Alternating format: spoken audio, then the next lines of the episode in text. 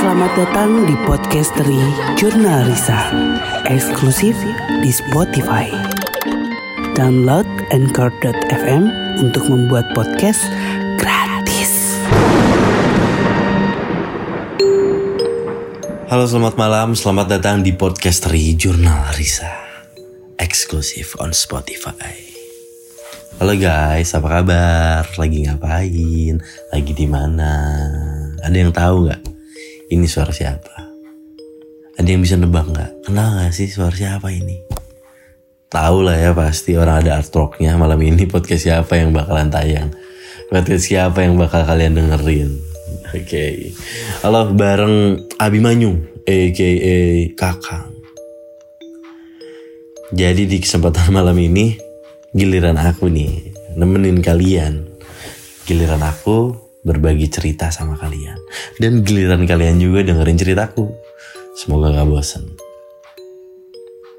Kalau ngobrolin uh, cerita hantu, cerita horor atau pengalaman-pengalaman yang emang gak bisa dilupain, banyak sih dari kecil sampai sekarang. Apalagi udah mulai syuting sama jurnalisa itu banyak banyak banget hal-hal yang memang nggak bisa dilupain. Dan basicnya aku tuh orangnya suka ngobrol. Suka banget ngobrol. Coba deh mungkin suatu saat kalian ketemu aku di jurnalisa coffee atau di mana pun kita ada kesempatan buat ngobrol pasti aku akan tanya banyak hal. Pasti aku akan kayak ya udah ngobrol aja yuk kita ngobrolin apa pun gitu. Akan jadi seru gitu. Aku tuh suka banget ngobrol. Suka banget dengerin orang cerita nah ini tuh bisa jadi media nih buat aku. Bisa jadi wadah buat aku kayak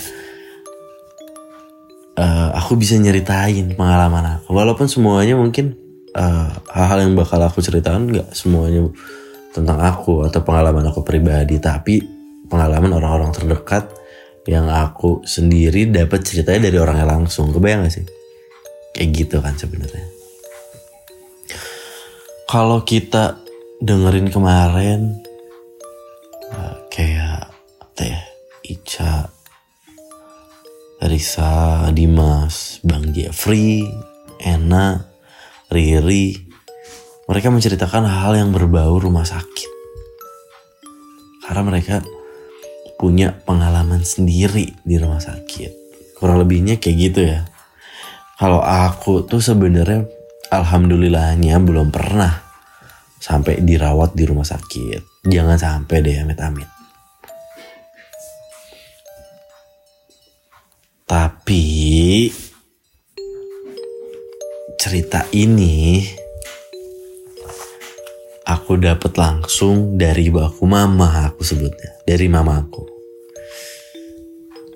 jadi kita mulai dulu dari aku tuh tinggal di Bandung mamaku tuh tinggal di Lembang jadi memang nggak ketemu setiap hari. Mungkin bisa sebulan sekali bisa seminggu sekali sebulan dua kali. Ketika aku main itu kalau ke Lembang pasti selalu ada cerita. Dia selalu senang bercerita. Kayak aku maksudnya kayak ibu dan anak tuh pasti nggak beda jauh. Aku pun seneng ngobrol mama aku pun seneng ngobrol. Kayak seneng ketemu banyak orang ketemu orang baru. Sharing tentang apa pun nah tapi kalau ketemu aku kadang dia ceritain hal-hal yang sebenarnya udah udah pernah dia ceritain sama aku. Apalagi kalau aku bawa saudara-saudara yang lain ke Lembang. Apalagi kalau aku buat temen yang mungkin dia belum kenal dia akan selalu cerita hal-hal baru. Apa pun yang dialamin mau yang udah dia ceritain atau belum dia pasti selalu cerita. Nah tapi satu cerita ini ini yang mungkin bisa jadi kenangan tersendiri buat aku karena ada sejarahnya nih ada kaitannya sama aku oke paham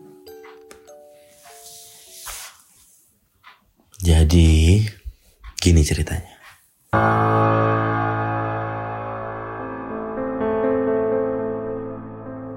Kalau aku bilang tadi, kenapa ini ada sejarahnya sama aku, ada kaitannya sama aku?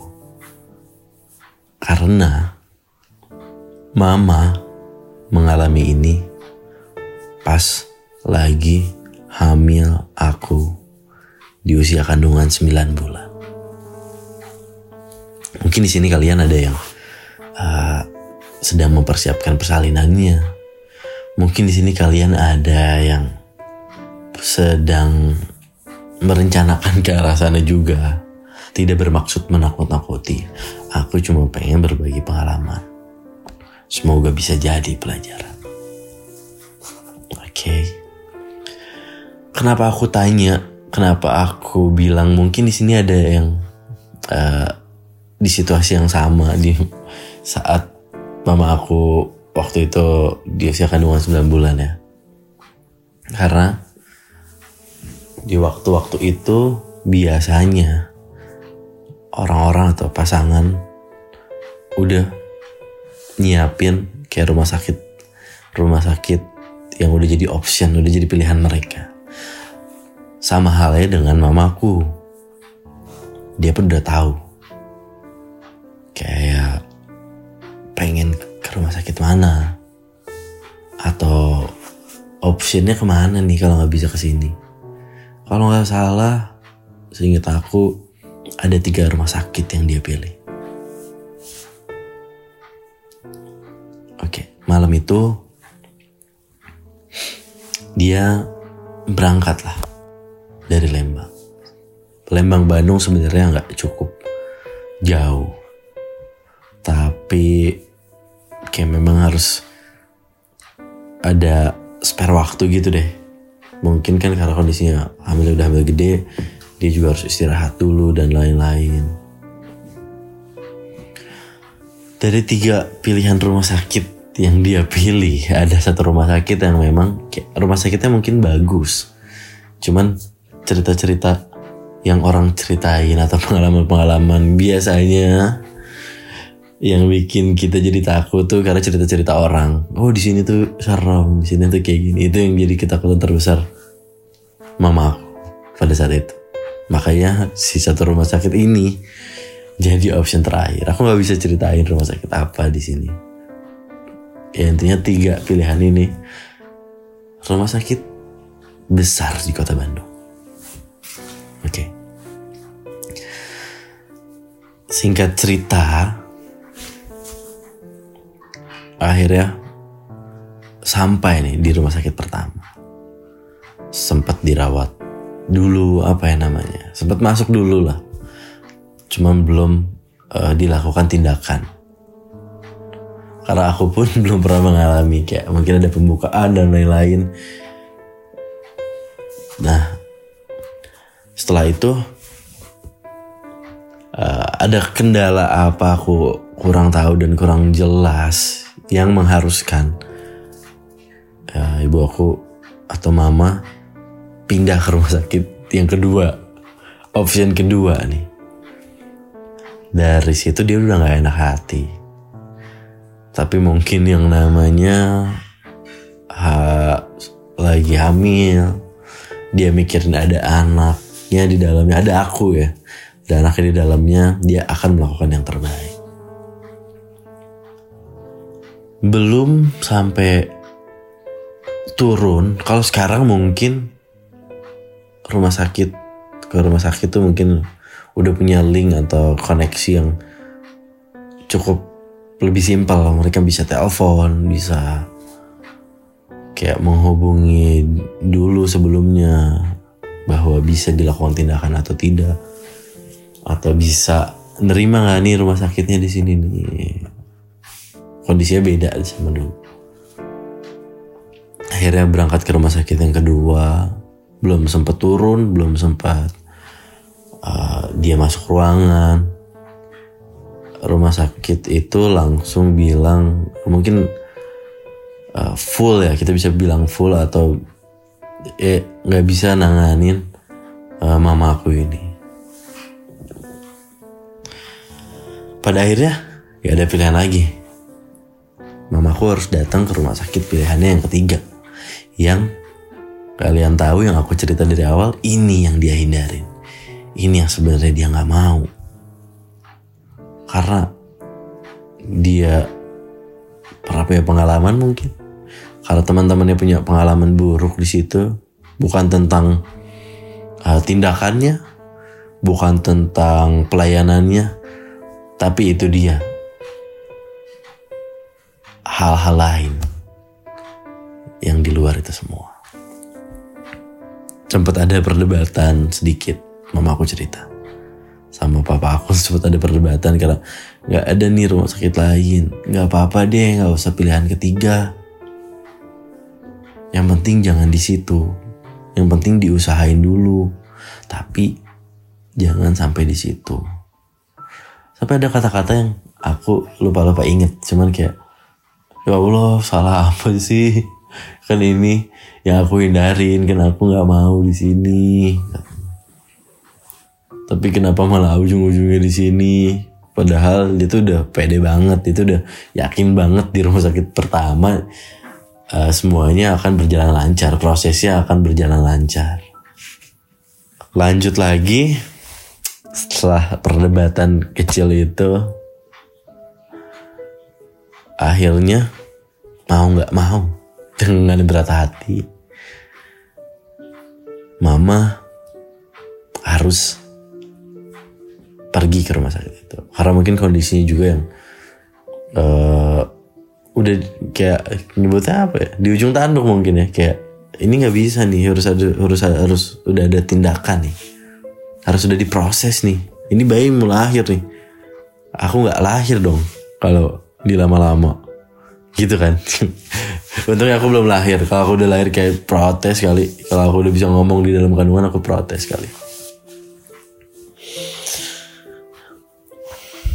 nggak lama dari situ memang ya kalau ngomongin Bandung jaraknya tidak berjauhan ya.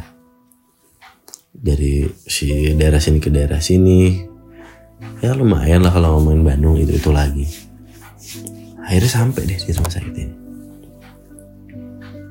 Dia coba buang pemikiran-pemikiran yang uh, buruk.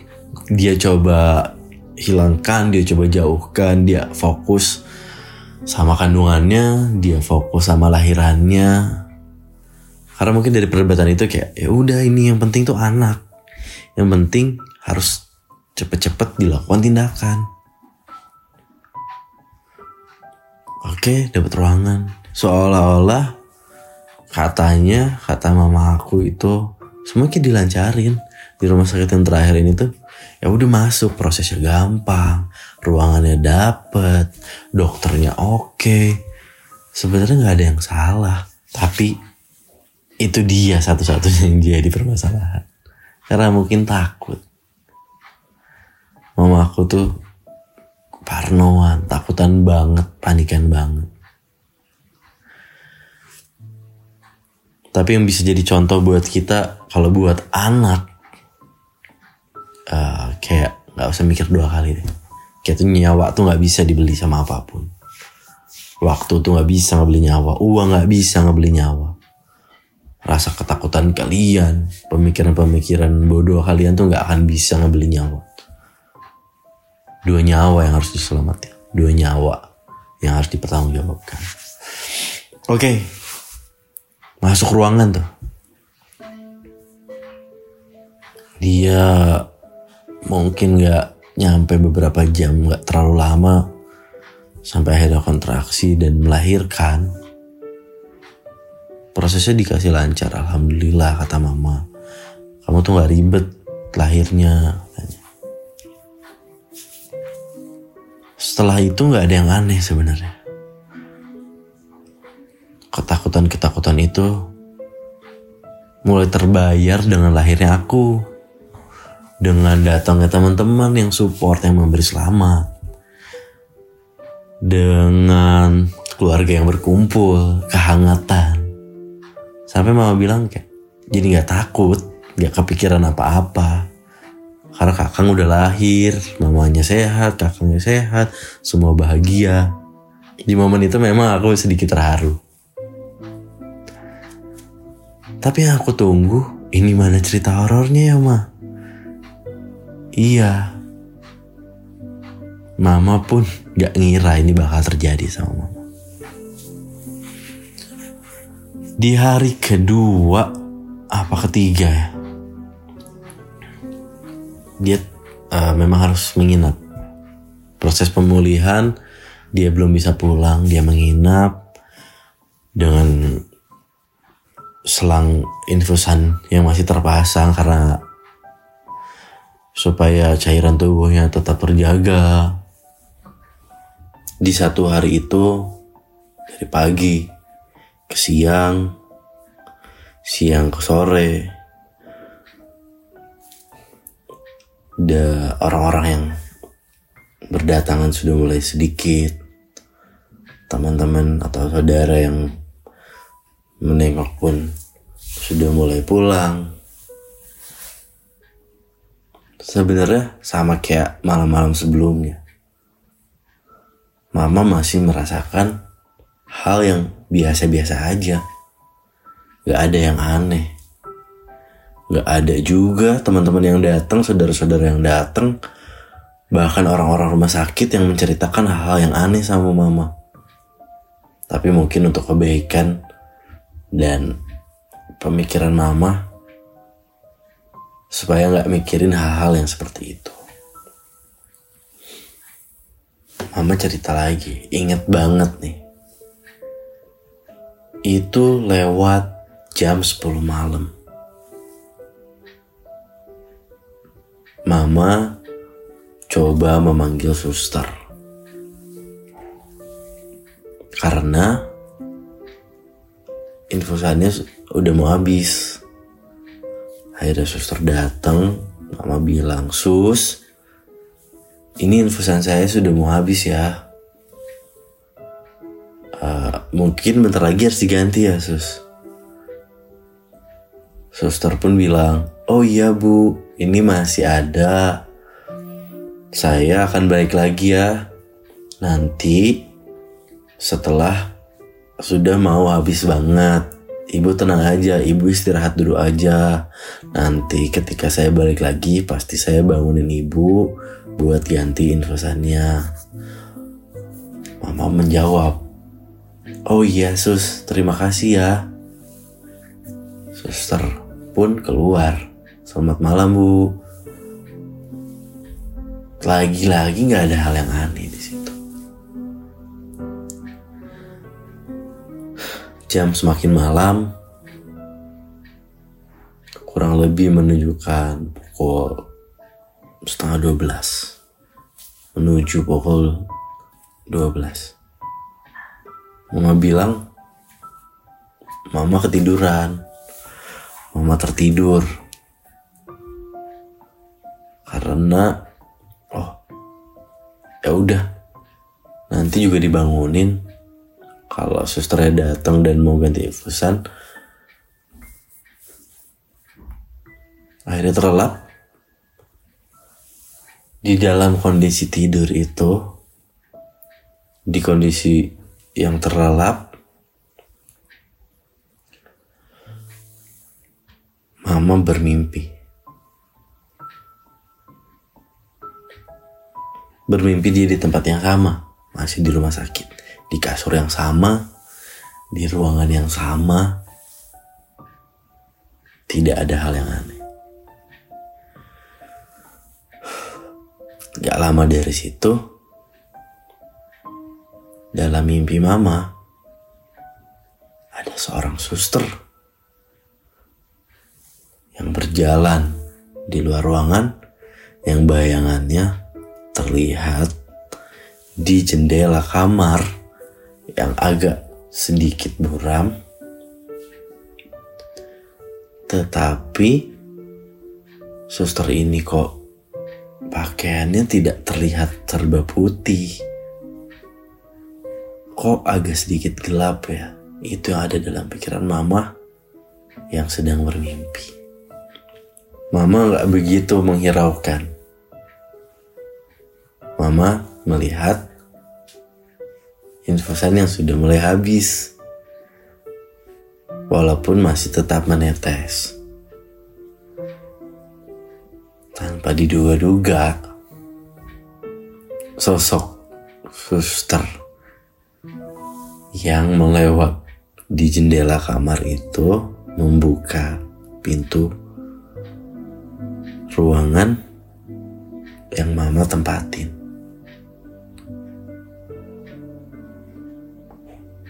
Dibuka perlahan, terdengar sekali suara pintu itu terbuka. Engselnya ditekan, suara pintu terdengar. Pandangan mama tertuju pada satu tujuan. Pintu kamar yang terbuka. Yang mama lihat pertama. Kakinya yang serba hitam. Memakai pakaian suster tentunya. Tetapi kok ada yang aneh? Tetapi kok ada yang janggal Pakaiannya tidak bersih, tidak putih, tidak seperti suster pada umumnya. Bagian tubuh yang lainnya mulai terlihat karena sosok ini mulai masuk dan menutup pintunya dari dalam. Dengan kepala yang tertunduk, dia berjalan perlahan, menghampiri Mama. Suster ini, Mama lihat membawa alat infusan. Mama bilang Mama benar-benar kaget. Mama gak tahu harus ngomong apa. Gak berani lihat mukanya. Terakhir dia lihat Pas sosok ini masih ada di ujung pintu. Pas dia lagi nutup pintu, Kang. Mama nggak lihat mukanya. Tapi yang Mama inget suster ini berbaju lusuh. Kulitnya seperti terbakar bagian tubuhnya penuh noda hitam atau debu. Mama gak bisa pastiin itu. Begitu dia akan berbalik, Mama cuma bisa merem. Mama memejamkan mata. Terdengar suara langkahnya. Tak ada sedikit pun bahasa, tak ada sedikit pun kata lama Kang, tangan mama dipegang. Mama gak bisa teriak. Mama gak bisa ngomong apa pun. Mendadak bisu.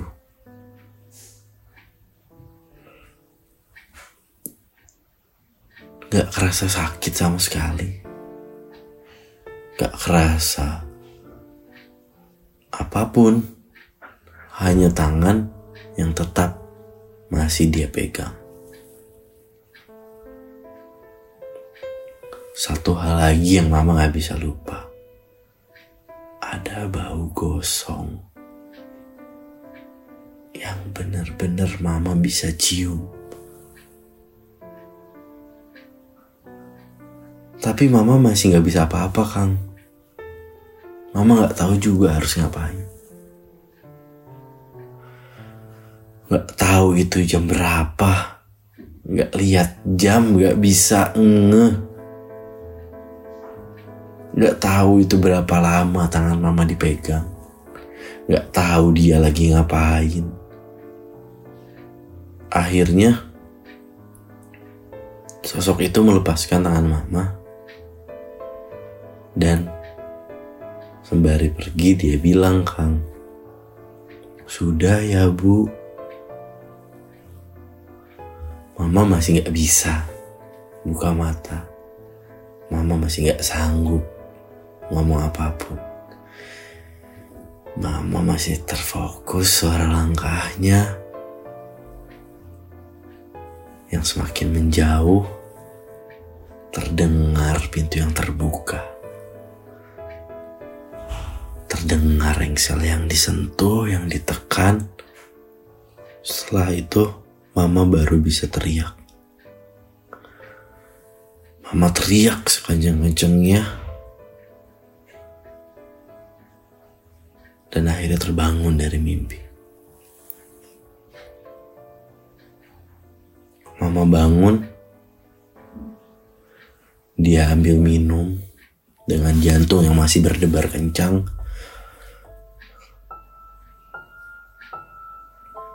Keringet mama keluar banyak banget, Kang. Mama keringet dingin. Seingat mama, itu mimpi atau bukan ya? Tapi kok kayak bener. Tapi kok semuanya kayak nyata. Mama takut, tapi mama gak merinding sama sekali. Tapi mama juga gak bisa ngapa-ngapain.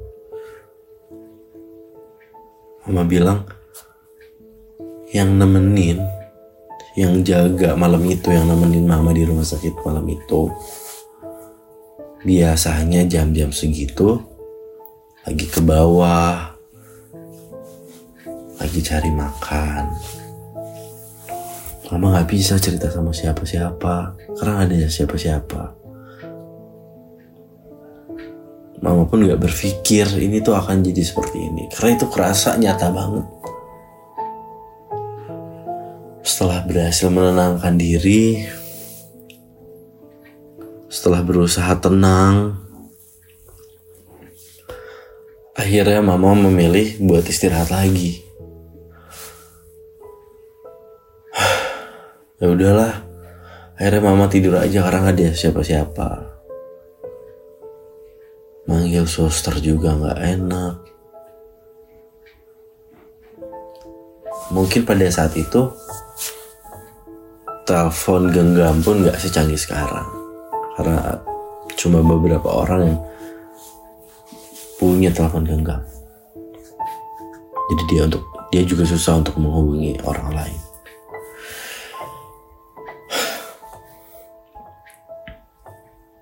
keesokan paginya dia terbangun karena ada suster dan dokter yang biasanya keliling dan menanyakan kondisi pasiennya seperti apa. Dokter bertanya kesehatannya kayak gimana, dokter bertanya kondisinya kayak gimana. Hal yang pengen banget mama tanyain sama dokter. Kejadian semalam yang mama alamin. Yang terus ada dalam pikiran mama itu tuh mimpi atau bukan ya itu tuh mimpi atau bukan ya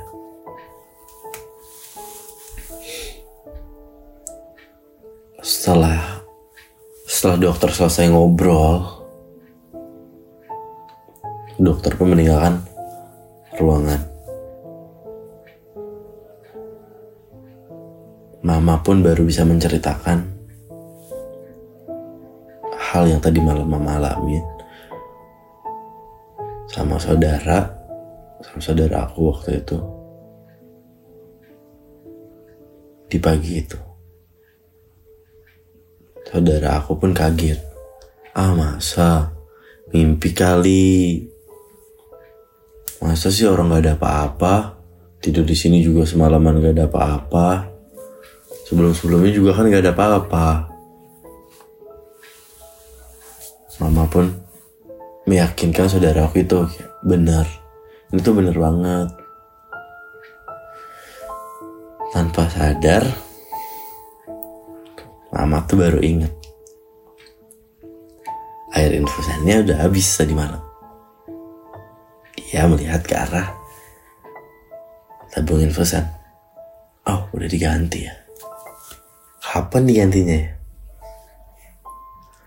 Tapi kok mama gak bangun ya kang? Kata susternya nanti pas mau diganti pasti mama dibangunin. Itu kok dia bilang gitu kang katanya gitu.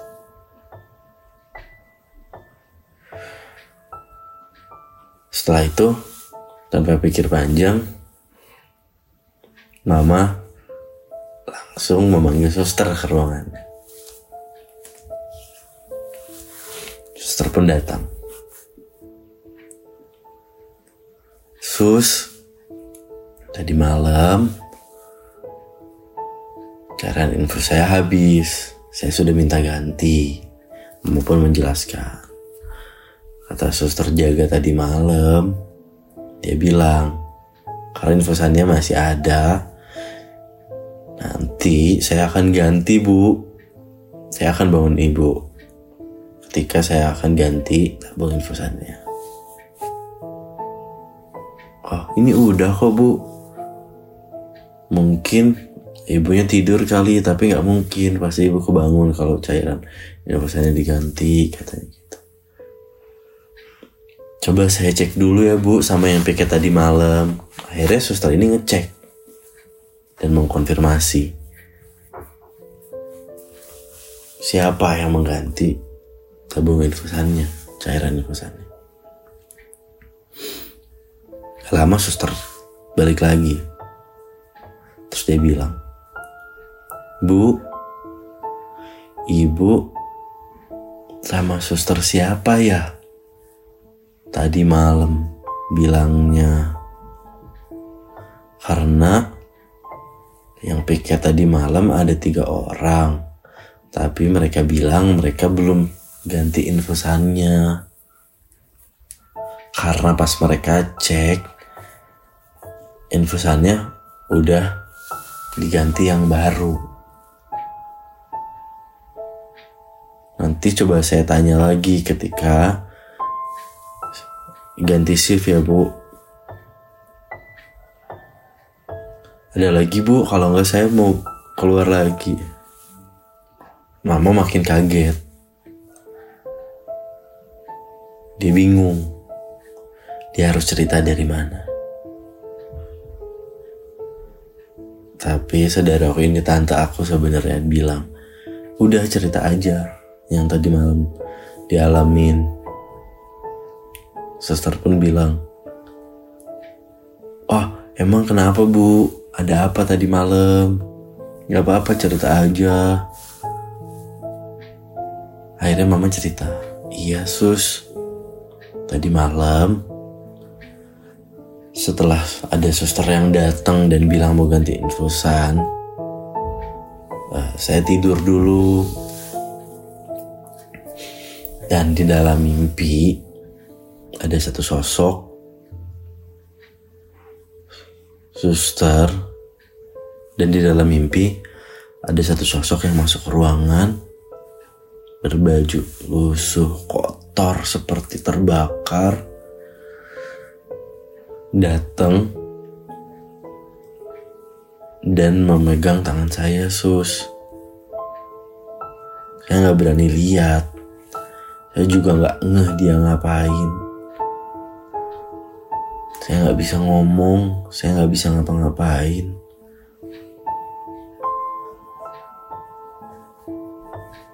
suster pun kaget ngedenger mama cerita kayak gitu Tapi kata mama, lihat dari ekspresi suster yang memang sedikit kaget, dia seperti sudah tidak aneh dengan cerita ini. Dan benar ternyata. Suster pun ngomong, Oh gitu bu. Iya. Bukan cuma ibu aja yang ngalamin dan cerita kayak gini Ibu boleh lebih spesifik lagi nggak sosoknya kayak gimana? Saya nggak berani lihat sus. Saya lihat sebentar. Dia dari belakang. Dia berpakaian layaknya suster. Dia berpakaian layaknya perawat. Tapi dengan kulit yang terbakar dengan baju yang sudah hitam dan lusuh. Yang paling saya nggak bisa lupa baunya yang berbau gosong, sus.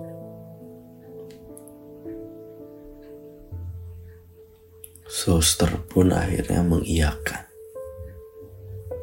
Dengan nada pelan, dia bilang, itu sudah bukan sekali dua kali bu terjadi di sini. Kita nggak pernah tahu sejarahnya rumah sakit ini seperti apa. Kita nggak pernah tahu sosok itu siapa. Tapi apa yang dia lakukan sama seperti yang ibu alami tadi malam. Kita pun bingung harus meminta maaf kah? Harus mengklarifikasi apa? Karena semuanya di luar nalar, Bu.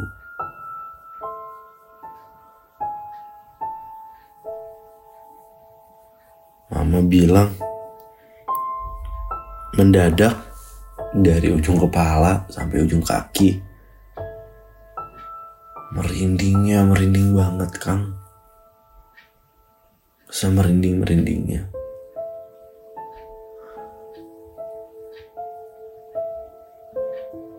Setelah itu suster keluar dari ruangan. Setelah itu suster keluar dari ruangan. Mama pun langsung nelfon baba, nelfon papaku dan bilang juga sama tante aku. Pokoknya hari ini mau pulang nggak mau di sini lagi. Mama udah sehat kan? Udah, mama mau pulang aja. Karena dia udah nggak tahu lagi harus kayak gimana. Karena ini yang dia takutin. Ini yang dia takutkan. Ini hal yang belum pernah dia dengar ceritanya belum pernah dia dengar cerita dari siapa pun tentang pengalaman ini dan rumah sakit ini. Akhirnya mama pulang hari itu juga. Dia memaksa pulang. Yang untungnya kondisi badannya sudah mulai membaik. Sudah mulai pulih.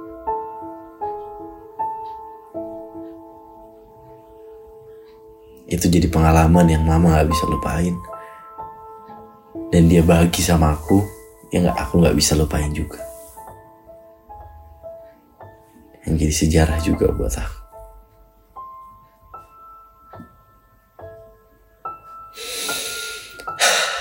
Merinding juga ya. Aku sepanjang cerita tadi sejujurnya merinding, merinding banget.